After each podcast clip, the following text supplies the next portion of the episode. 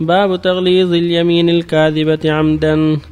عن ابن مسعود رضي الله عنه أن النبي صلى الله عليه وسلم قال من حلف على مال امرئ مسلم بغير حقه لقي الله وهو عليه غضبان قال ثم قرأ علينا رسول الله صلى الله عليه وسلم مصداقه من كتاب الله عز وجل إن الذين يشترون بعهد الله وأيمانهم ثمنا قليلا.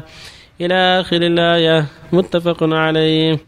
وعن نبي أمامة ياس بن ثعلبة الحارثي رضي الله عنه أن رسول الله صلى الله عليه وسلم قال من اقتطع حق امرئ مسلم بيمينه فقد أوجب الله له النار وحرم عليه الجنة. فقال له رجل وإن كان شيئا يسيرا يا رسول الله.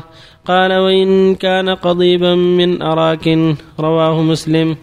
وعن عبد الله بن عمرو بن العاص رضي الله عنهما عن النبي صلى الله عليه وسلم قال الكبائر والإشراك بالله وعقوق الوالدين وقتل النفس واليمين الغموس. رواه البخاري. وفي رواية أن أعرابيا جاء إلى النبي صلى الله عليه وسلم فقال يا رسول الله ما الكبائر؟ قال الإشراك بالله. قال ثم ماذا؟ قال اليمين الغموس. قلت وما اليمين الغموس؟ قال الذي يقتطع مال امرئ مسلم يعني بيمين هو فيها كاذب. وبالله التوفيق الله عليه الحمد لله. صلى الله وسلم على رسول الله وعلى آله وأصحابه ومن اهتدى بهدى أما بعد فهذه الأحاديث فيما يتعلق باليمين الكاذبة. لا يجوز للمسلم أن يحلف وهو كاذب في الخصومات والدعاوى ولا في غير ذلك بل يجب أن يتحرى الصدق في ايمانه وفي كلامه. قال تعالى يا أيها الذين آمنوا اتقوا الله وكونوا مع الصادقين. قال الله يوم ينفع الصادقين صدقهم. وقال صلى الله عليه وسلم عليكم بالصدق فإن الصدق يهدي إلى البر وإن البر يهدي إلى الجنة. الحديث. فالواجب على كل مؤمن ومؤمنة أن يتحرى الصدق في خصوماته ودعاواه وأيمانه وغير ذلك. ومن ذلك يقول صلى الله عليه وسلم من حلف على يمين صبر يقتطعها مال امرئ مسلم بغير حق لقي الله وعليه غضبان صبر يعني حبس يعني من حبس نفسه على اليمين. يعني تكلف اليمين لطمع الدنيا أو لعداوة أو نحو ذلك وهو فيها كاذب. لقي الله وعليه غضبان في اللفظ الآخر يقول صلى الله عليه وسلم من اقتطع حق امرئ مسلم بيمينه فقد أوجب الله له النار وحرم عليه الجنة. قال وإن كان شيء يسير رسول الله يا رسول الله. قال وإن كان قضيبا من أراك يعني عودا من أراك هذا من باب التحذير والتخويف والترهيب من الظلم. ويقول صلى الله عليه وسلم كل مسلم على مسلم حرام دمه وماله وعرضه وسئل عن الكبائر عليه الصلاة قال الكبائر الاشراك بالله وعقوق الوالدين وقتل النفس بغير حق واليمين الغموس.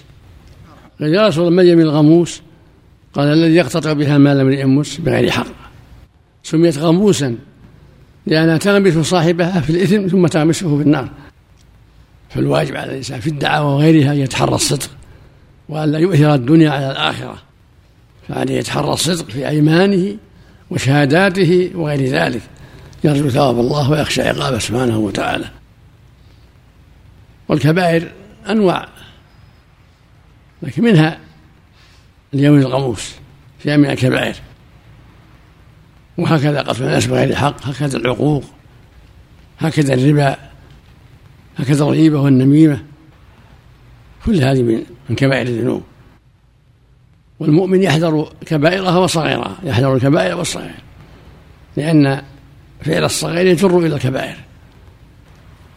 نسأل الله العافية والسلام نعم. أحسن الله إليك يا شيخ. قول الرسول صلى الله عليه وسلم وحرم الله الجنة عليه. اللي في الحديث يدل على خلوده في النار. هذا من باب الوعيد ومن باب الوعيد عند أهل العلم. لقي الله عليه غضبان. فقد وجد الله له النار وحرم عليه الجنة. كله من باب الوعيد والتحذير. والوعيد قد يعفو الله عن الموعود بسبب حسناته الكثيرة أو بسبب شفاعة الشفعاء لأنه موحد. فقد يعفى عنه. ولهذا قال سبحانه وتعالى إن الله لا يغفر الشرك ويغفر ما دون ذلك لمن يشاء. يعني ما دون الشرك. يدخل في هذا جميع الذنوب. أحسن الله عليك. عند عوام الناس تذكر بدون تفصيل؟ عند عوام الناس الحديث الوعيد تذكر بدون تفصيل أفضل وأولى؟ نعم. عند حاجة عند الاستفتاء والحاجة يوضح. أطلقها النبي وأطلقها القرآن للتحذير والزجر. بعض الناس يقول من يحلف وهو كاذب؟ ينقطع ظهره أحسن الله إليك. هل هذا تخويف؟ لا أحسن الله إليك. عند العوام. ما أدري ما عندنا ما بلغني هذا. كلام النبي صلى الله عليه وسلم من اقتطع حق مسلم قد أوجب الله له النار وحرمه الجنة. ولفظ من حلف على يمين يقتطع بها مال أخيه بغير حق لقي الله عليه غضبا نسأل الله ما أحسن عملك. اذا غلب في الآخرة أحسن إليك. نعم. يعني يؤخرها الله عز وجل في الآخرة أحسن إليك. هذا من عقوباته. قد يعجل له في الدنيا. قد تعجل له العقوبة في الدنيا. نسأل الله إذا حلف يغلب على ظنه أن ذلك الشيء وقع ثم لم يقع. على كفارة.